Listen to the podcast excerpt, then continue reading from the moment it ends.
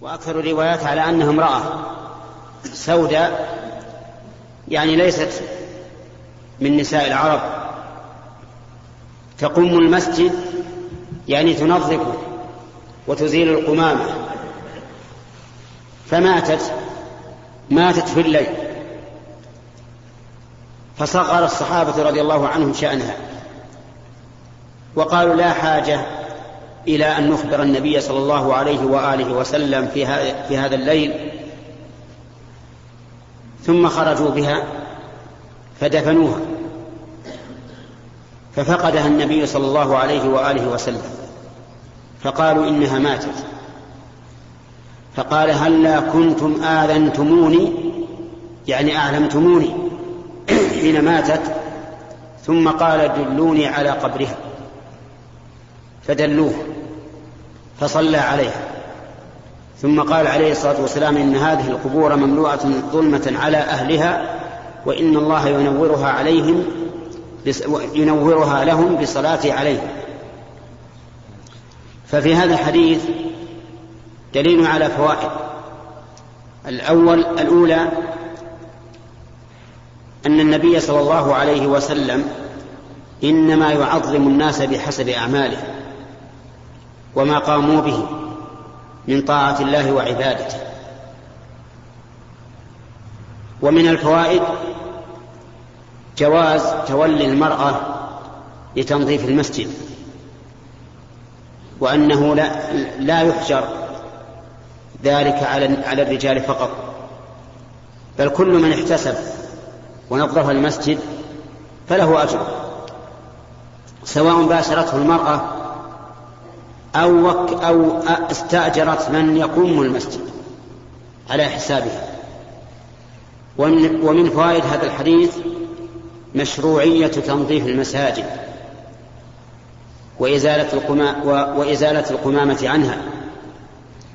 وقد قال النبي صلى الله عليه وآله وسلم عرضت علي أجور أمتي حتى القذاة يخرجها الرجل من المسجد. القذاة الشيء الصغير. يخرجه الرجل من المسجد فإنه يؤجر عليه. وفي حديث عائشة رضي الله عنها أن النبي صلى الله عليه وسلم أمر ببناء المساجد في الدور وأن تنظف وتطيب. فالمساجد بيوت الله ينبغي العناية بها وتنظيفها ولكن لا ينبغي زخرفتها وتنقيشها بما يوجب أن يلهو المصلون بما فيها من الزخرفة. فإن النبي صلى الله عليه وآله وسلم قال لتزخرفنها يعني المساجد كما زخرفها اليهود والنصارى.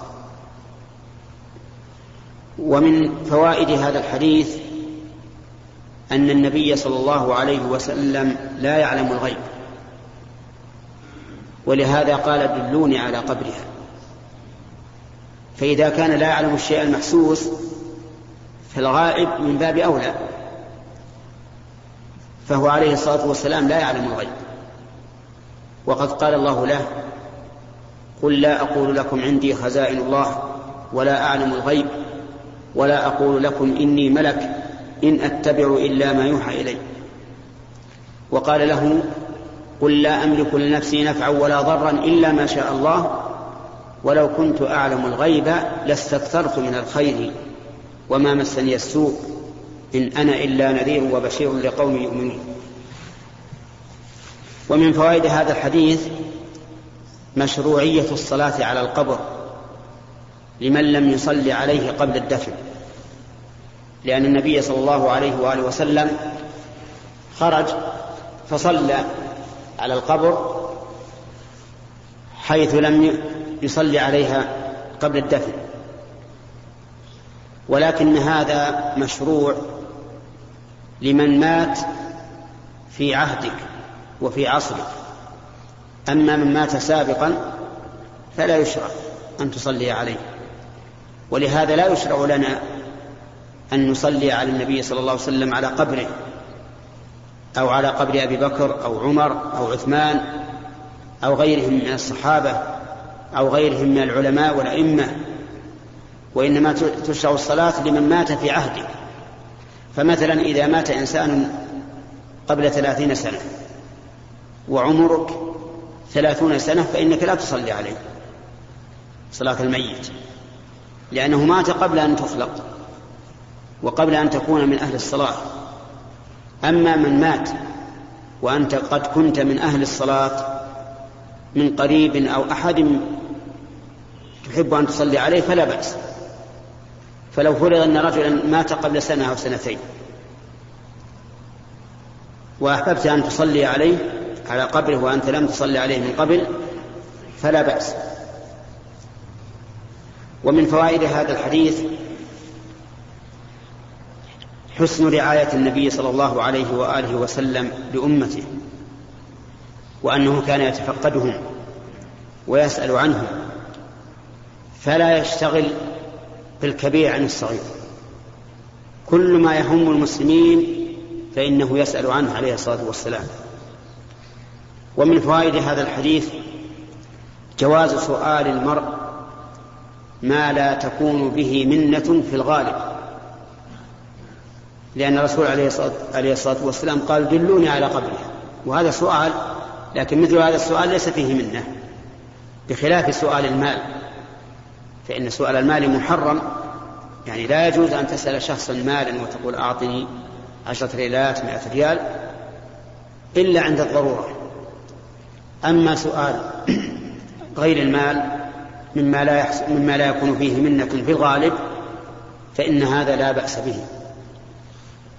ولعل هذا مخصص أو مخصص لما كان الرسول عليه الصلاة والسلام يبايع أصحابه فقد كان يبايعهم أن لا يسألوا الناس شيئا. وربما يؤخذ من هذا الحديث جواز إعادة الصلاة على الجنازة لمن صلى عليها من قبل إذا وجد جماعة لأن الظاهر أن الذين خرجوا مع النبي صلى الله عليه وآله وسلم صلوا معه. وعلى هذا فتشرع إعادة صلاة الجماعة إذا صلي عليها إذا صلى عليها جماعة آخرون مرة ثانية. وإلى هذا ذهب بعض أهل العلم. وقال إنه كما أن صلاة الفريضة تعاد إذا صليتها ثم أدركتها مع جماعة أخرى فكذلك صلاة الجنازة. وبناء على ذلك لو أن أحدا صلى على جنازة في المسجد ثم خرجوا بها للمقبرة ثم قام أناس يصلون عليها جماعة فإن فإنه لا حرج ولا كراهة في أن تدخل مع جماعة الآخرين فتعيد الصلاة. لأن إعادة الصلاة هنا لها سبب. ليست مجرد تكرار بل لها سبب وهو وجود الجماعة الأخرى. فإذا قال قائل إذا صليت على القبر فأين أقف؟ فالجواب أنك تقف وراءه تجعله بينك وبين القبلة كما هو الشأن فيما إذا صليت عليه قبل الدفن. والله أعلم. اللهم فيك وعلى هذا فيكم اللهم لا مانع بسم الله الرحمن الرحيم. الحمد لله رب العالمين والصلاة والسلام على نبينا محمد وعلى آله وصحبه أجمعين. نقل المؤلف رحمه الله تعالى عن أبي هريرة رضي الله عنه قال قال رسول الله صلى الله عليه وسلم رب أشعث أغبر مدفوع بالأبواب لو أقسم على الله لأبره رواه مسلم. وعن أسامة رضي الله عنه عن النبي صلى الله عليه وسلم قال قمت على باب الجنة فإذا عامة من دخلها المساكين وأصحاب الجد محبوسون غير أن أصحاب النار قد أمر بهم إلى النار وقمت على باب النار فإذا عامة من دخلها النساء متفق عليه. الله الرحمن الرحيم. قال المؤلف رحمه الله تعالى فيما نقله عن أبي هريرة رضي الله عنه أن رسول الله صلى الله عليه وسلم قال رب أشعث أغبر مدفوع بالأبواب لو أقسم على الله لأبره. أشعث من صفات الشعر يعني شعره أشعث ليس له ما يدهن به الشعر ولا ما يرجله وليس يهتم بمظهره أغبر يعني أغبر اللون أغبر الثياب وذلك لشدة فقره. مدفوع بالأبواب يعني ليس له جاه. إذا جاء إلى الناس يستأذن لا يأذنون له بل يدفعونه بالباب. إذا فتح الباب وجده هذا الرجل دفع الباب بوجهه لأنه ليس له قيمة عند الناس لكن له قيمة عند رب العالمين. لو أقسم على الله لأبره لو قال والله لا يكون كذا لم يكن. والله لا يكونن كذا لكان. لو أقسم على الله لأبره لكرمه عند الله عز وجل ومنزلته. فبأي شيء يحصل هذا؟ لأنه ربما يكون رجل أشعث أغبر مدفوع بالأبواب. لو أقسم على الله ما أبره ورب أشعث أغبر مدفوع بالأبواب لو أقسم على الله لأبره فما هو الميزان؟ الميزان تقوى الله عز وجل. كما قال الله تعالى إن أكرمكم عند الله أتقاكم. فمن كان أتقى لله فهو أكرم عند الله. ييسر الله له الأمر يجيب دعاءه ويكشف ضره ويقسم ويبر قسمه. وهذا الذي أقسم على الله لن يقسم بظلم لن يقسم بظلم لأحد ولن يجترئ على الله في ملكه ولكنه يقسم على الله في مراض الله ثقة بالله عز وجل أو في أمور مباحة ثقة بالله عز وجل. وقد مر علينا في قصة الربيع بنت النضر وأخيها أنس بن النضر فإن الربيع كسرت ثنية جارية من الأنصار فاحتكموا إلى الرسول عليه الصلاة والسلام. فأمر النبي صلى الله عليه وآله وسلم أن تكسر ثنية الربيع لأنها كسرت ثنية الجارية الأنثى. فقال أخوها أنس يا رسول الله تكسر ثنية الربيع؟ قال نعم. كتاب الله القصاص السن بالسن. قال والله لا تكسر ثنية الربيع. قال ذلك ثقة بالله عز وجل ورجاء لتيسيره وتسهيله فأقسم هذا القسم ليس ردا لحكم الرسول كلا ولكن ثقة بالله عز وجل. فهدى الله أصحاب الجارية أهل الجارية ورضوا بالدية أو عفوا. فقال النبي عليه الصلاة والسلام إن من عباد الله من لو أقسم على الله لأبره لأنه يقسم على الله في شيء يرضاه الله عز وجل. إحسانا بالظن إحسانا بالله عز وجل إحسانا في ظنه بالله عز وجل. أما من أقسم على الله تأليا على الله واستكبارا على عباد الله وإعجابا بنفسه فهذا لا يبر الله قسمه لأنه ظالم. ومن ذلك قصة الرجل العابد الذي كان يمر برجل مسرف على نفسه فقال والله لا يغفر الله لفلان. أقسم أن الله ما يغفر له. ليه؟ لماذا تقسم؟ المغفرة بيدك الرحمة بيدك.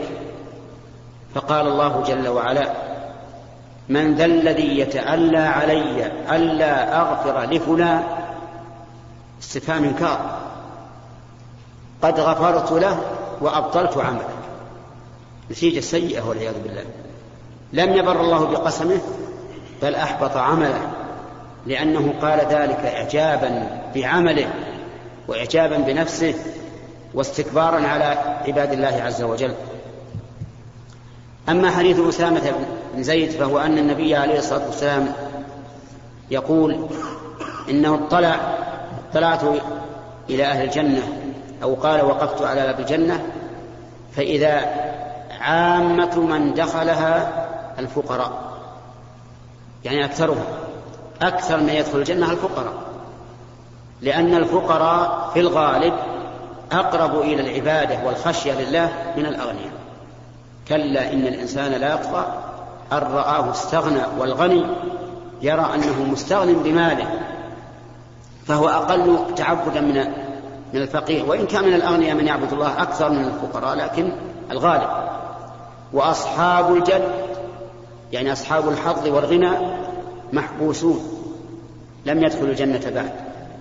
الفقراء يدخلون الجنة قبل الأغنياء غير أن أهل النار قد أمر بهم إلى النار. فقسم الرسول عليه الصلاة والسلام الناس إلى أقسام ثلاثة. أهل النار دخلوا النار أعاذنا الله وإياكم منها. والفقراء دخلوا الجنة. والأغنياء من المؤمنين موقوفون محبوسون إلى أن يشاء الله. أما أهل النار فأخبر رسول الله صلى الله عليه وسلم وهو الصادق المصدوق أن عامة من دخلها النساء أكثر من يدخل النار النساء لأنهن أصحاب فتنة. ولهذا قال لهن الرسول عليه الصلاة والسلام في يوم عيد من الأعياد قال يا معشر النساء تصدقن. ولو من حليكن فإنكن أكثر أهل النار. قالوا يا رسول الله لما؟ قال لأنكن تكثرن اللعنة وتكفرن العشير. تكثرن اللعن السب والشتم. لسانها سليط كيدها عظيم. وتكفرن العشير المعاشر وهو الزوج.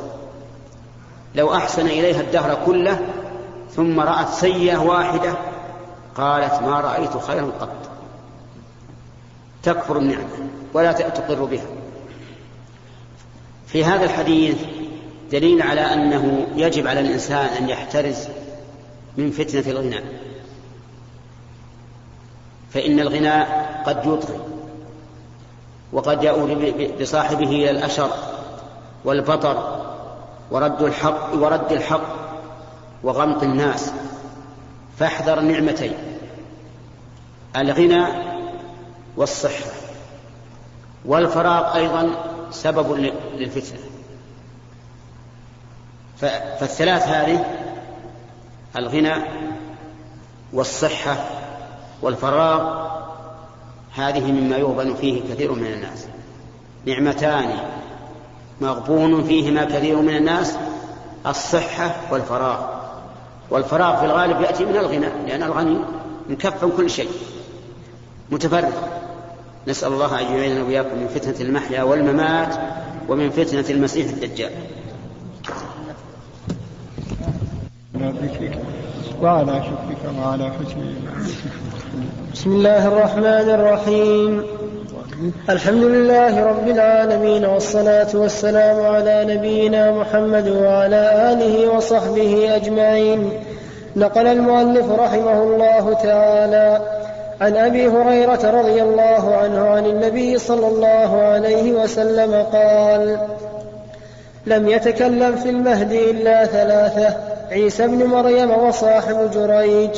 وكان جريج رجلا عابدا فاتخذ صومعة فكان فيها فأتته أمه وهو يصلي فقالت يا جريج فقال يا رب أمي وصلاتي فأقبل على صلاته فانصرفت. فلما كان من الغد أتته وهو يصلي فقالت يا جريج فقال أي رب أمي وصلاتي فأقبل على صلاته. فلما كان من الغد أتته وهو يصلي فقالت يا جريج فقال أي رب أمي وصلاتي؟ فأقبل على صلاته فقالت اللهم لا تمته حتى ينظر إلى وجوه المومسات. فتذاكر بنو إسرائيل جريجا وعبادته وكانت, وكانت امرأة بغي يتمثل, يتمثل بحسنها. فقالت إن شئتم لأفتننه فتعرضت له فلم يلتفت إليها فأتت راعيا كان يأوي إلى صومعته فأمكنته من نفسها فوقع عليها فحملت فلما ولدت قالت هو من جريج فأتوه فاستنزلوه وهدموا صومعته وجعلوا يضربونه فقال ما شأنكم؟ قالوا زنيت بهذه البغية فولدت منك. قال أين الصبي؟ فجاءوا به فقال دعوني حتى أصلي. فصلى فلما انصرف أتى, أتى الصبي فطعن في بطنه وقال يا غلام من أبوك؟ قال فلان الراعي. فأقبلوا على جريج فأقبلوا على جريج يقبلونه ويتمسحون به. وقالوا نبني لك صومعتك من ذهب. قال لا أعيد أعيدوها من طين. أعيدوها من طين كما كانت. ففعلوا. وبين صبي يرضع من أمه. فمر رجل فمر رجل راكب على دابة فارهة فارهة وشارهة. فارهة وشارة فارهة وشارة حسنة فقالت أمه اللهم اجعل ابني مثل هذا فترك الثدي وأقبل إليه فنظر إليه فقال اللهم لا تجعلني مثله ثم أقبل على ثدي ثم أقبل على ثديه فجعل يرضع فك فكأني أنظر إلى رسول الله صلى الله عليه وسلم. وهو يحكي ارتضاعه بأصبعه السبابة بأصبعه السبابة في فيه فجعل يمصها ثم قال ومروا بجارية وهم يضربونها ويقول ويقولون زنيتي ويقولون زنيتي سرقت وهي تقول زنيت سرقت وهي تقول حسبي الله ونعم الوكيل. فقالت أمه اللهم لا تجعل ابني مثلها. فترك الرضاع ونظر إليها فقال اللهم اجعلني مثلها. فهنالك تراجع فهنالك تراجع الحديث. فقالت مر رجل حسن الهيئة. فقلت اللهم اجعل ابني مثل مثله. فقلت اللهم لا تجعلني مثله. ومروا بهذه الأمة وهم يضربونها ويقولون زني زنيتي سرقتي. فقلت اللهم لا تجعل ابني مثلها. فقلت اللهم اجعلني مثلها. قال إن ذلك الرجل جبار. فقلت اللهم لا تجعلني مثله. وإن هذه يقولون زنيت ولم تزني وسرقت ولم تسرق. فقلت اللهم اجعلني مثلها. متفق عليه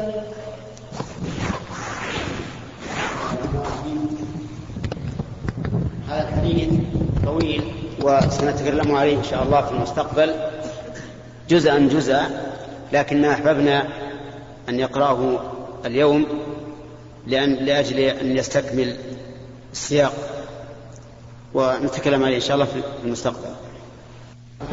قال المؤلف رحمه الله تعالى فيما نقله عن أبي هريرة رضي الله عنه عن نبينا صلى الله عليه وآله وسلم أنه قال لم يتكلم في المهد إلا ثلاثة. أولا عيسى بن مريم عليه الصلاة والسلام. وعيسى بن مريم آخر أنبياء بني إسرائيل بل آخر الأنبياء قبل محمد صلى الله عليه وآله وسلم. فإنه لم يكن بينه وبين النبي صلى الله عليه وسلم نبي كما قال الله تعالى وإذ قال عيسى بن مريم يا بني إسرائيل إني رسول الله إليكم مصدقا لما بين يدي من التوراة ومبشرا برسول يأتي من بعدي اسمه أحمد.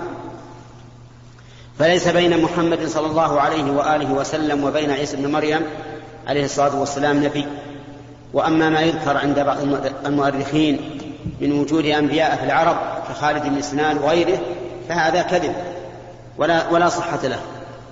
عيسى بن مريم كان آية من آيات الله عز وجل.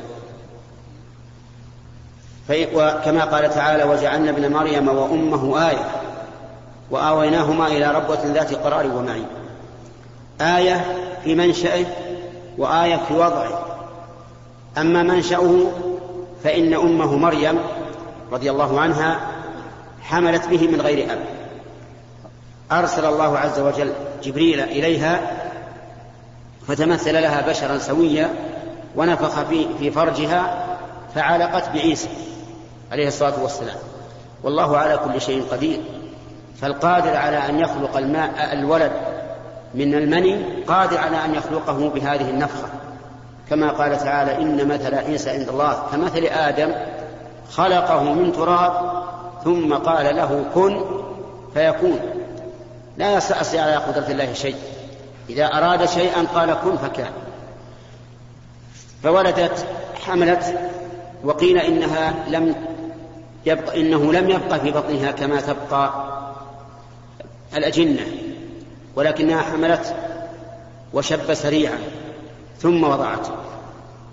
وكان في وضعه آية أجاءها المخاض أي أجاء مريم المخاض إلى جذع النخلة.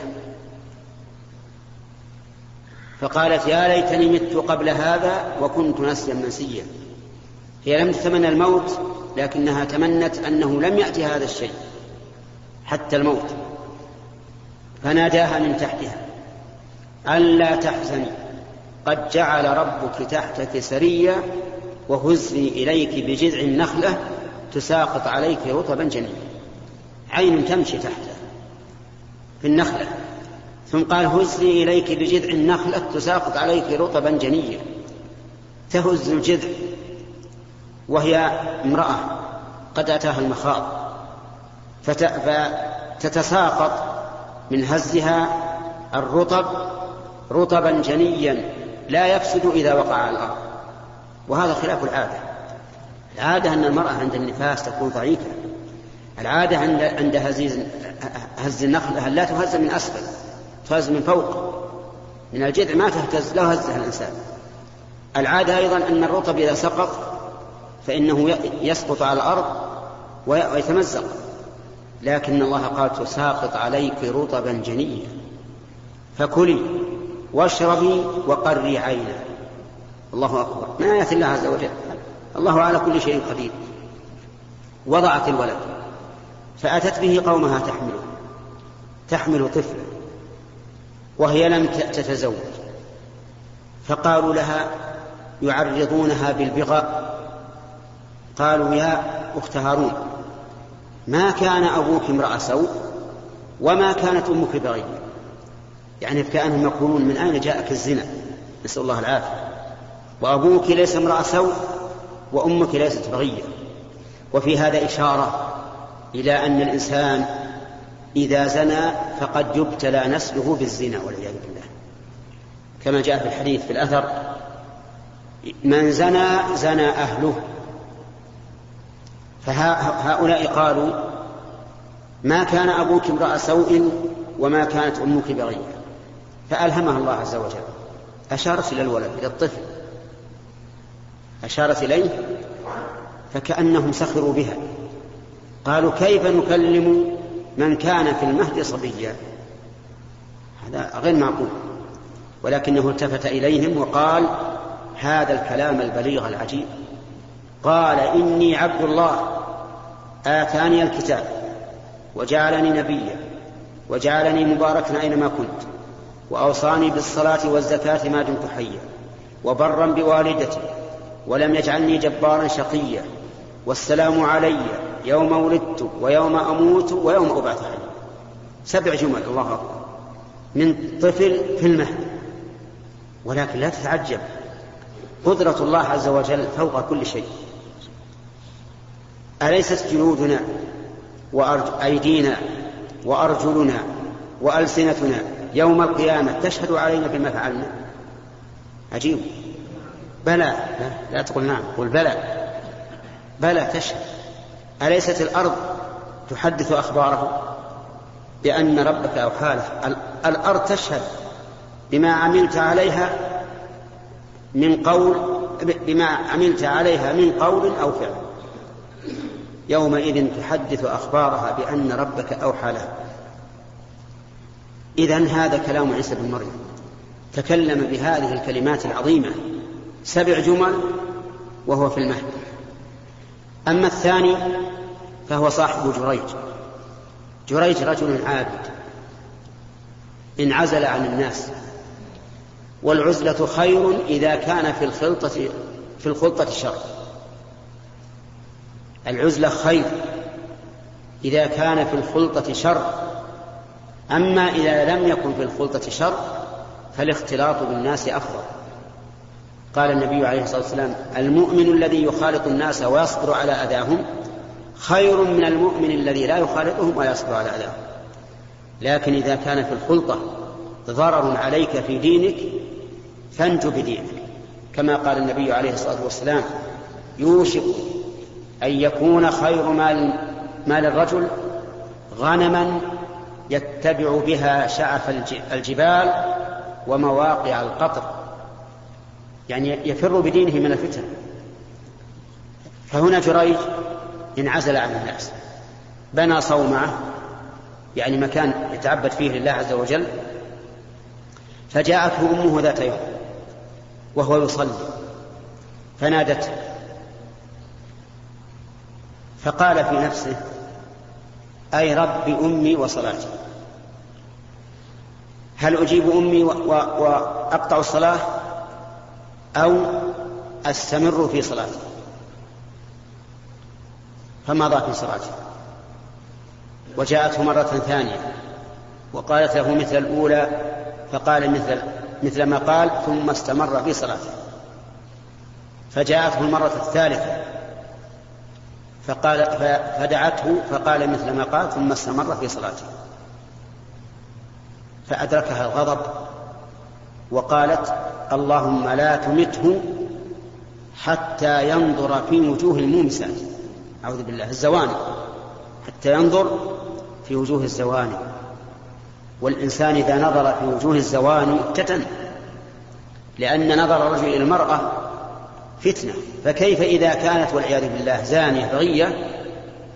لأنه ينظر إليها على أنها تمكنه من نفسها فيفتتن. فقالت هذه الجملة.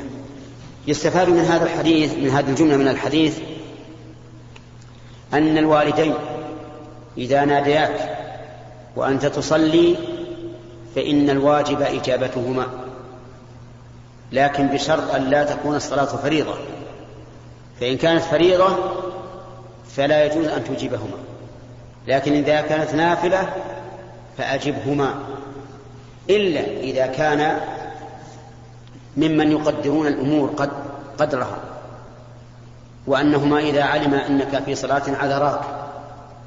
فهنا أشر لهما بأنك في صلاة إما بالنحنحة أو بقول سبحان الله أو برفع صوتك في آية تقرأها أو دعاء تدعو به حتى يشعر المنادي بأنك في صلاة. فإذا علمت أن هذا أن هذين الأبوين الأم والأب عندهما مرونة يعذرانك إذا كنت تصلي ألا تجيب فنبههما على أن تصلي.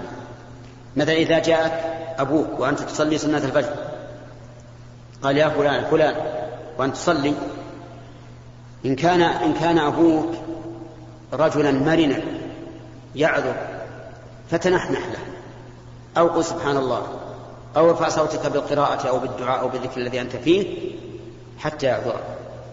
وإن كان من الآخرين الذين لا يعذرون ويريدون أن يكون قولهم هو الأعلى فاقطع صلاتك وكلمه وكذلك يقال في الأم أما الفريضة فلا تقطعها لأحد إلا عند الضرورة كما لو رأيت شخصا تخشى أن يقع في هلكة في بئر في بحر في نار فهنا اقطع الصلاة للضرورة.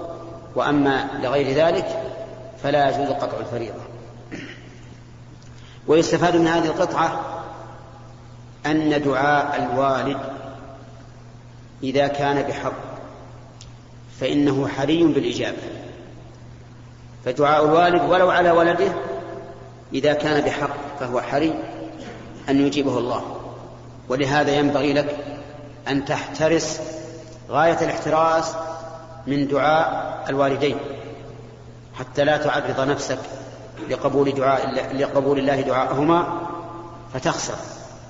وفيه أيضا في الحديث دليل على أن الشفقة التي أودعها الله في الوالدين قد يوجد ما يرفع هذه الشفقة لأن هذه الدعوة عظيمة من هذه المرأة أن تدعو على ولدها أن, أن لا يموت حتى ينظر في وجوه المنسات لكن شدة الغضب والعياذ بالله أوجب لها أن تدعو بهذا الدعاء.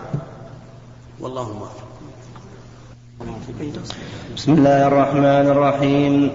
الحمد لله رب العالمين والصلاة والسلام على نبينا محمد وعلى آله وصحبه أجمعين.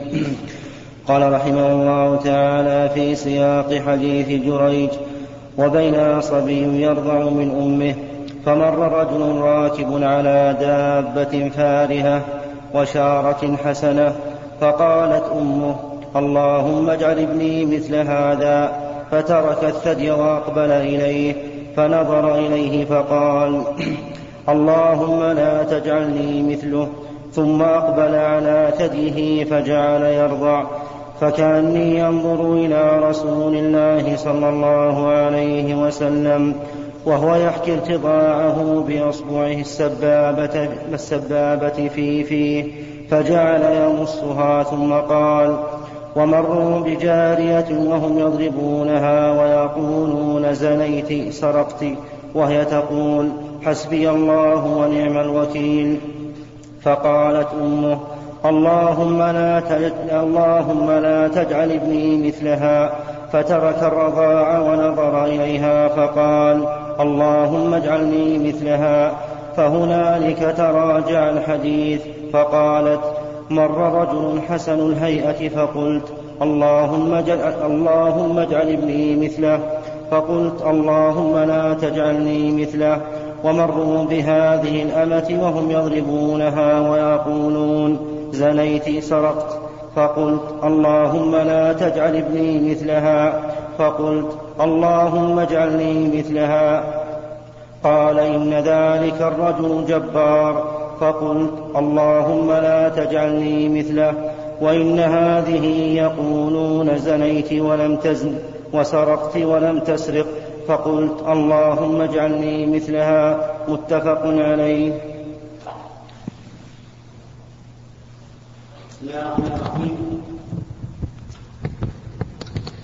سبق الكلام على أول حديث أبي هريرة في قصة الذين تكلموا في المهد ومنهم عيسى بن مريم عليه الصلاة والسلام وجريج وكان عابدا قد بنى له صومعة يتعبد لله فيها فتكلم فيه بنو إسرائيل فقالت امرأة منهم إني أنا أكفيكم.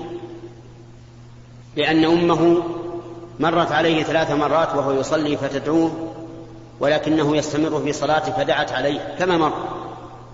وفي قصته من الفوائد غير ما سبق أن الإنسان إذا تعرف إلى الله تعالى في الرخاء عرفه في الشدة فإن هذا الرجل كان عابدا يتعبد لله عز وجل. فلما وقع في الشدة العظيمة أنجاه الله منها. لما جاء إليه هؤلاء الذين كادوا له هذا الكيد العظيم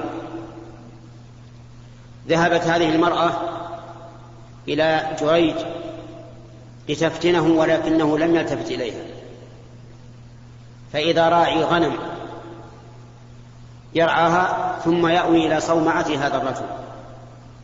فذهبت إلى الراعي فزنا بها والعياذ بالله. فحملت منه.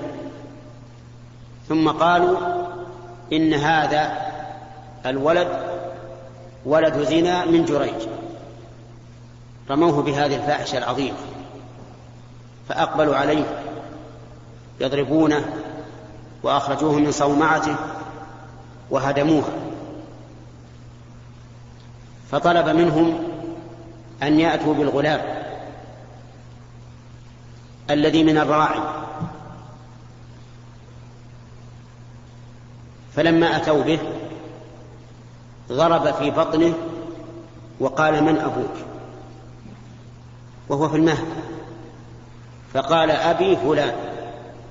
يعني ذلك الراعي.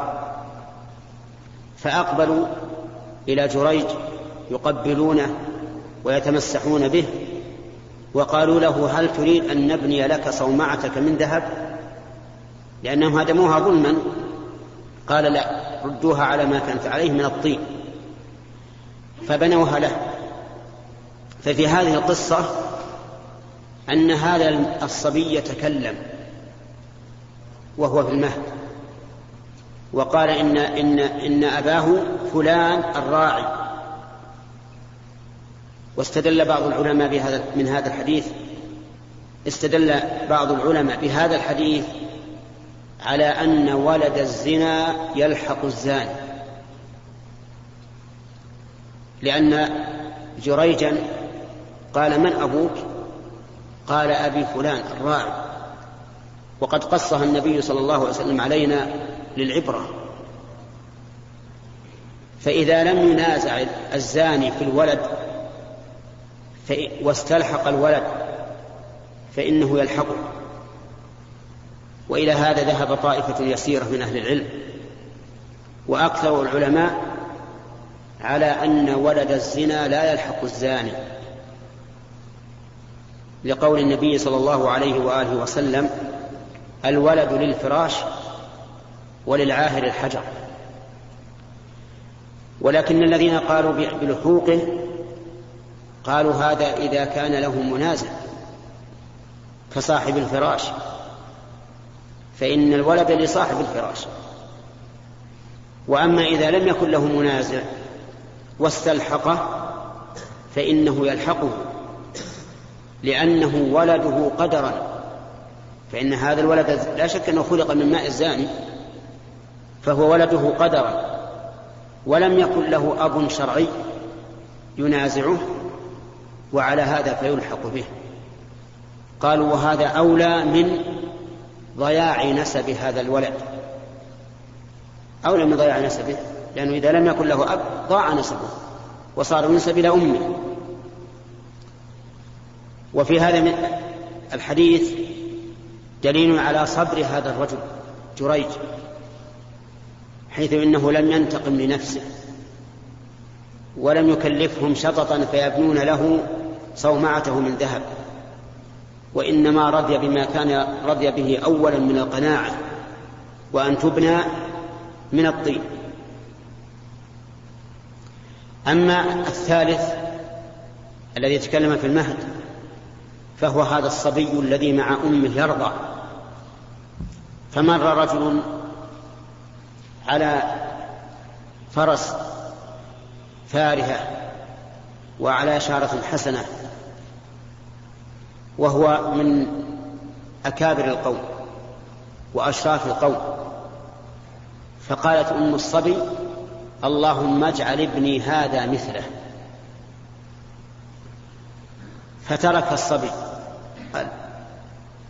الثدي وأقبل على أمه بعد أن نظر إلى هذا الرجل فقال اللهم لا تجعلني مثله. وحكى النبي صلى الله عليه وآله وسلم حكى ارتضاع هذا الطفل من ثدي أمه بأن وضع أصبعه السبابة في فمه. هكذا يمص تحقيقا للأمر عليه الصلاة والسلام. فقال اللهم لا تجعلني مثله. ثم أقبلت بجارية امرأة يضربونها ويقولون لها زنيت. سرقت وهي تقول حسبنا الله ونعم الوكيل. فقالت المرأة أم الصبي وهي ترضعه اللهم لا تجعل ابني مثلها. فأطلق الثدي ونظر إليها وقال اللهم اجعلني مثلها. فتراجع الحديث مع أمه طفل. قام يتكلم معه. قالت إني مررت أو مر بي هذا الرجل ذا الهيئة الحسنة فقلت اللهم اجعل ابني مثله فقلت أنت اللهم لا تجعلني مثله. فقال نعم هذا رجل كان جبارا عنيدا. فسألت الله أن لا يجعلني مثله. أما المرأة فإنهم يقولون زنيت وسرقت وهي تقول حسبي الله ونعم الوكيل. فقلت اللهم لا تجعل اللهم اجعلني مثلها. يعني طاهرا مما من الزنا والسرقة مفوضا أمري إلى الله. في قولها حسبي الله ونعم الوكيل. وفي هذا آية من آيات الله. أن يكون هذا الصبي يشعر وينظر ويتأمل ويفكر وعنده شيء من من العلم. عنده شيء من العلم. قل هذا كان جبارا عنيدا. أيها الإخوة وبنهاية هذه المادة نودعكم ونلقاكم إن شاء الله